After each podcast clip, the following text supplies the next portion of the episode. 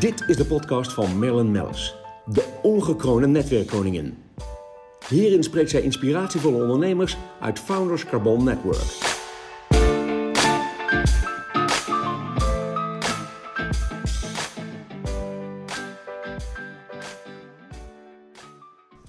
Nou, een heel warm welkom voor Roland Kaan. En lieve Roland, wij kennen elkaar al zo lang. We zijn al zo lang bevriend. Dus ik vind dit extra leuk om een eh, podcast met jou op te nemen. Het zijn natuurlijk uh, korte 10 minuten podcasts. En dan denk ik, oh mijn hemel, ik heb zoveel vragen aan je. En um, laten we dan maar beginnen bij retail. Um, ja, jij bent natuurlijk de retail-goeroe van Nederland. Je nog steeds prachtig 280 zaken, uh, waaronder MS-mode. Um, kun je ons iets meer vertellen over het landschap op dit moment? Nou, retail is, uh, staat voor de grootste revolutie ooit. Het gemak waarmee je op dit moment bij Alibaba iets kunt bestellen, ook al moet je een paar weken wachten. En je hoeft alleen maar een fotootje te, uh, aan ze te sturen en je krijgt de hele lijst met producten. Het gemak waarmee grote internationale spelers dus ja, de hele markt zo groot hebben gemaakt als uh, Volendam maakt dat um, op zich retail ja, een andere functie krijgt. En ik heb veel te lang gedacht dat je met kleding uh, wilde voelen, wilde ervaren, um, het uh, wilde passen. Maar um, ja, het gemak waarmee mensen kleding kunnen terugsturen of zelfs gaan dragen en daarna terugsturen, dat is, uh, hoewel er wel slimme oplossingen voor zijn om dat te voorkomen. Ja, ja. Um, dat, dat, is, dat maakt dat, het, dat ja, die, de nieuwe consument, die, die, die ziet die winkel meer als een soort aanvulling op zijn internetaankoop. Het is wordt steeds meer kliks en bricks, of eigenlijk meer, ja, het is heel duidelijk, de kliks zijn in de lead.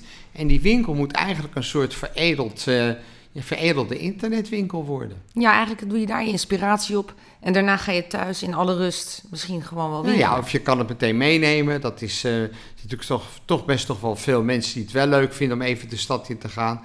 Hoewel uh, ja, met een parkeertarief van uh, 7 of 8 euro per uur. Ja, met onze ja. Amsterdamse tarieven gaan we het niet redden. Nee, dus, dus, en, ja, dus bij jou, oké, okay, laten we het niet over de politiek in Amsterdam hebben. Nee. Maar dus aan, aan zich gaat retail een andere functie krijgen. En ga je dus kleine centra krijgen waar mensen de dagelijkse boodschappen doen.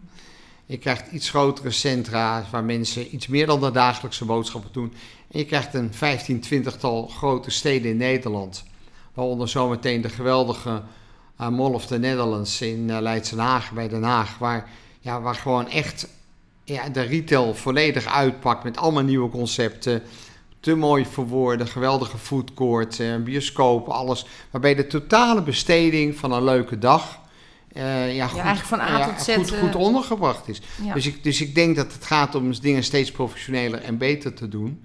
En je goed af te vragen, ja, in, in de totale keten naar de klant toe, welke functie heb je? Ja, en als je kijkt naar, want dat is natuurlijk waar we het over hebben, over, over textiel. Um, uh, we hebben allemaal kunnen lezen ook al in de media dat uh, jij een, een, stap terug gaat doen op een gegeven moment uit, uit het prachtige bedrijf die je hebt opgebouwd en uh, jouw twee zonen ook een, stuk overnemen. ik, ben, ja, ik, ik ken ze natuurlijk allebei. Ik heb erg veel bewondering ook voor wat ze tot nu toe allemaal hebben neergezet na hun studies. Um, dan hebben we het natuurlijk over een stuk vastgoed ook. Um, hoe zie jij überhaupt, want dat vind ik dan wel heel interessant. Hoe zie jij het, het vastgoed gaan, in, dan even, echt even voor Nederland? Hè? Want we hebben natuurlijk ja. heel veel Founders Carbon Network leden... die natuurlijk jou ook al jaren uh, aan boord zien bij ons... Uh, die zijn natuurlijk heel benieuwd naar wat, wat gaat er gebeuren in vastgoedland. Op het gebied van kantoren en op het gebied van winkels. Hoe gaan de straatbeelden ja, eruit zien? Je, er zijn dus veel te veel winkels. Dus een deel van die winkels zullen omgekat worden naar... Ja, of woningen of uh, ja, ander, anders, werkplaatsen.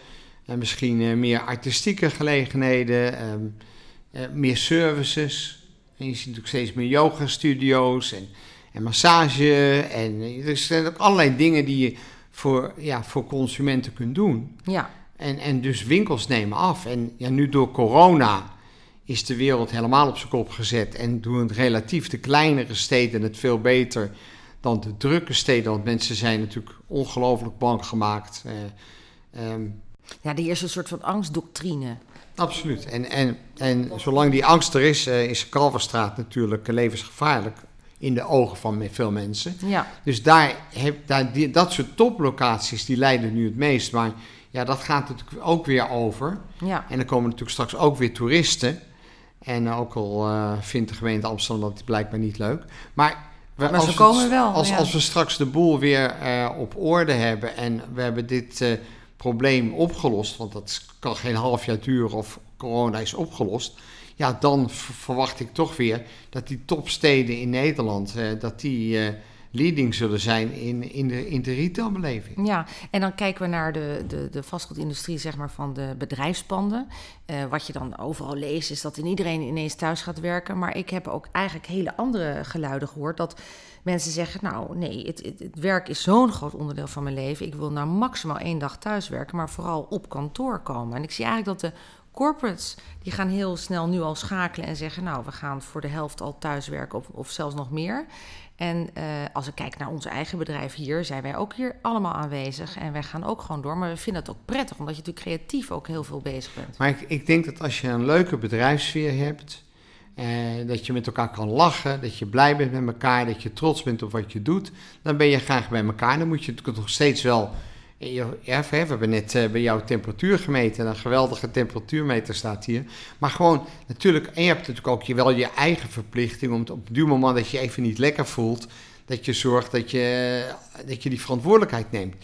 En, maar ja, ik denk ook dat het het een en het ander is. Ik denk dat, uh, dat bij ons komen ze graag weer terug naar kantoor. We hebben natuurlijk onze hele catering, alles goed op het rit staan.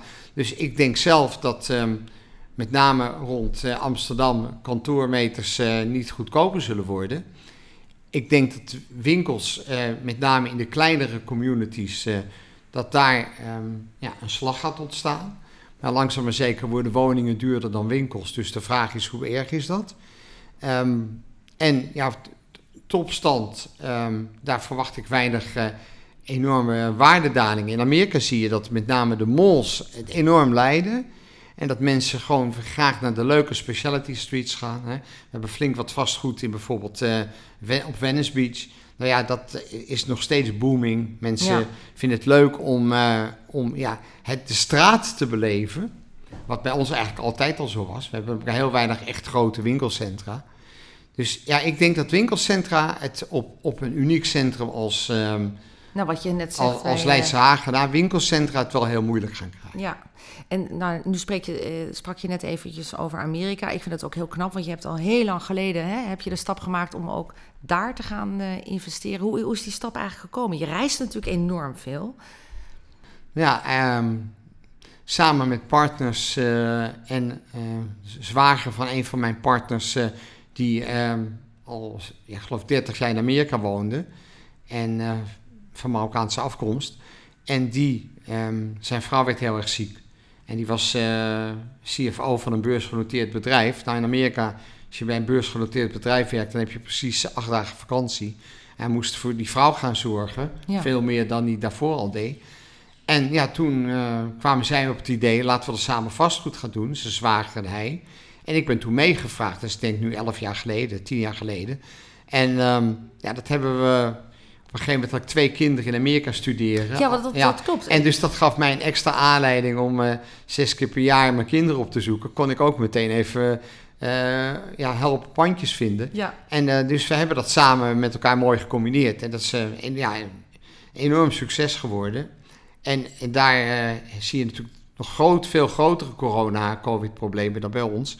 Maar ook daar verwacht ik dat wel ergens begin volgend jaar wel door, door het dal heen zijn. En want dat vind ik zo leuk van jou, want je hebt een enorme hechte band ook inderdaad uh, met je kinderen. Um, en je dochter die zat in de filmindustrie en die heeft ook echt furoren gemaakt in, uh, in Amerika, begreep ik. Nou, ze heeft de New York Film Academie gedaan en ze, heeft, uh, ze kan niet alleen heel goed, ze is niet heel creatief met filmen, maar ze kan ook geweldig tekenen en schilderen. Dus ze heeft daar een storyboard gemaakt met allemaal kleine aquarelletjes. En daar is ja, vrij veel publiciteit omheen geweest. Dat was heel leuk. Maar ze is sowieso een uh, super creatief talent. Ze maakt, ze schildert niet normaal en uh, heel, heel, erg sociaal bewogen. Is nu enorm veel voor Libanon aan het doen. Ja, mijn, mijn ene zoon is een investmentbanker. En mijn andere zoon was opgeleid in de mode. Maar die is een paar maanden uit het modebedrijf gestapt. En die vond de stress van heel veel mensen niet echt leuk. Is ook eigenlijk meer creatief, maar creatief zakelijk. En die vindt vastgoed nu heel leuk. En die, die gaat uh, ja, tussen nu en anderhalf jaar op mijn stoel zitten voor vastgoed. Ja, want dat, dat vind ik ook zo leuk. Uh, als je kijkt naar de ondernemers, ook natuurlijk uiteraard binnen de FCM, maar überhaupt ondernemers in Nederland, zie je nu dat er een enorme ja, drang ontstaat tot extra creativiteit. natuurlijk door corona. Mensen werden toch eigenlijk teruggeworpen op zichzelf en op een netwerk. En ja, sommige industrieën, sommige uh, bedrijven konden helemaal hun product niet meer kwijt of, of stonden letterlijk van 100% omzet naar nul. Um, die rode draad loopt uh, bij jou uh, door het gezin heen, hè, de, creativiteit die jullie tonen. Heb jij nog tips voor de ondernemers? Want ik bedoel, als er nou één iemand creatief is geweest in zijn leven, en, want als ik met jou een, een storyboard zou maken van wat jij allemaal hebt opgezet en hebt bereikt en hebt neergezet, dat is natuurlijk heel veel. Um, maar heb je tips? Want je hebt natuurlijk ook, hè, dat zeg je dan ook wel eens van nou, ik heb ook wel eens dalen meegemaakt. En dan heb je toch altijd weer uh, de drive gehad om daaruit te komen. Bij jou is glas altijd half vol. Nou, ik, ik denk dat um, creatief ondernemerschap heeft een positieve en negatieve kant. De positieve kant is dat, je, er iedere dag een nieuw idee is. De negatieve kant is dat er iedere dag een nieuw idee is. Dus ik denk dat je zeker nu de moed moet hebben om te focussen. Dus iets wat, waar je heel goed in bent, stop daar zoveel mogelijk energie in. Dus versnipper je energie niet, maar zorg dat je ja, zoveel mogelijk focust op je beste idee, op je beste kwaliteiten. Maak ook van jezelf een SWOT. Ja? Waar ben ik sterk in? Waar ben ik zwak in? Waar zitten mijn kansen? Waar zitten mijn bedreigingen? Wat voor mensen moet ik om me heen verzamelen? Hè? Bijvoorbeeld, ik ben uh, een hele slechte politieagent. Ja? Uh, een belangrijke adviseur schreef in, een keer in mijn agenda: Ronald, in life you don't get what you expect but what you inspect. Nou ja, ik ben echt... Uh, ik ben eerder een inspector, inspector gadget dan een echte inspecteur. Dus het, uh, het, lijkt nergens op. Dus ja, ik heb goede financiële controllers en uh, goede CFO naast me, die, uh, die dus nu naast mijn zoon gaat staan. Die ja, dat soort eigenschappen die bij mij niet compleet niet aanwezig zijn, aanvullen. Dus het gaat ook om zorg dat je met zorg de mensen om je heen verzamelt die die dingen voor jou kunnen invullen waar je zelf minder goed in bent. Ja, en dan natuurlijk zelf enorm hun blijven inspireren. Ja, ik denk, ik denk dat de, de rol van, uh, van ondernemer... Ik geloof niet in mensen motiveren. Mensen die geen eigen motivatie hebben... die moeten lekker uh, de hele week uh, bijstand gaan trekken. Maar mensen die, um, um, ja, die een eigen motivatie hebben, een eigen motor daarbij is het wel heel erg leuk om ze te inspireren. Maar het gaat natuurlijk ook erom dat je zorgt dat je ze begeleidt ja, op de manier die past bij hun fase van hun ontwikkeling. En sommige mensen moet je dingen voorschrijven, andere dingen, mensen moet je dingen voordoen, met andere mensen moet je dingen samen doen. En de mensen die compleet zijn en helemaal ja, vakvolwassen noem ik het maar, die moet je alleen maar inspireren. Ja. Maar in geval vanuit samen hebben we één doel, we trekken met z'n allen op één aan één touw. In plaats van dat iedereen zijn eigen touwtje meebrengt. Nou, ik vind het hele mooie ja, besluiting van onze, van onze podcast. Mooie, mooie zinnen. Um, ik, een mooie quote eigenlijk, dat is wat ik wilde zeggen. Ik wil je enorm bedanken voor je komst hierheen, want ik weet dat je heel druk bent. En, en uh, nou ja, voor nu dikke zoen. En voor de luisteraars, uh, jongens, uh, klik het volgende podcastje weer aan en blijf ja. ons volgen. Nou Merlin, het was weer superleuk met jou, zoals altijd. En heel veel succes met je podcast. Dank je wel. you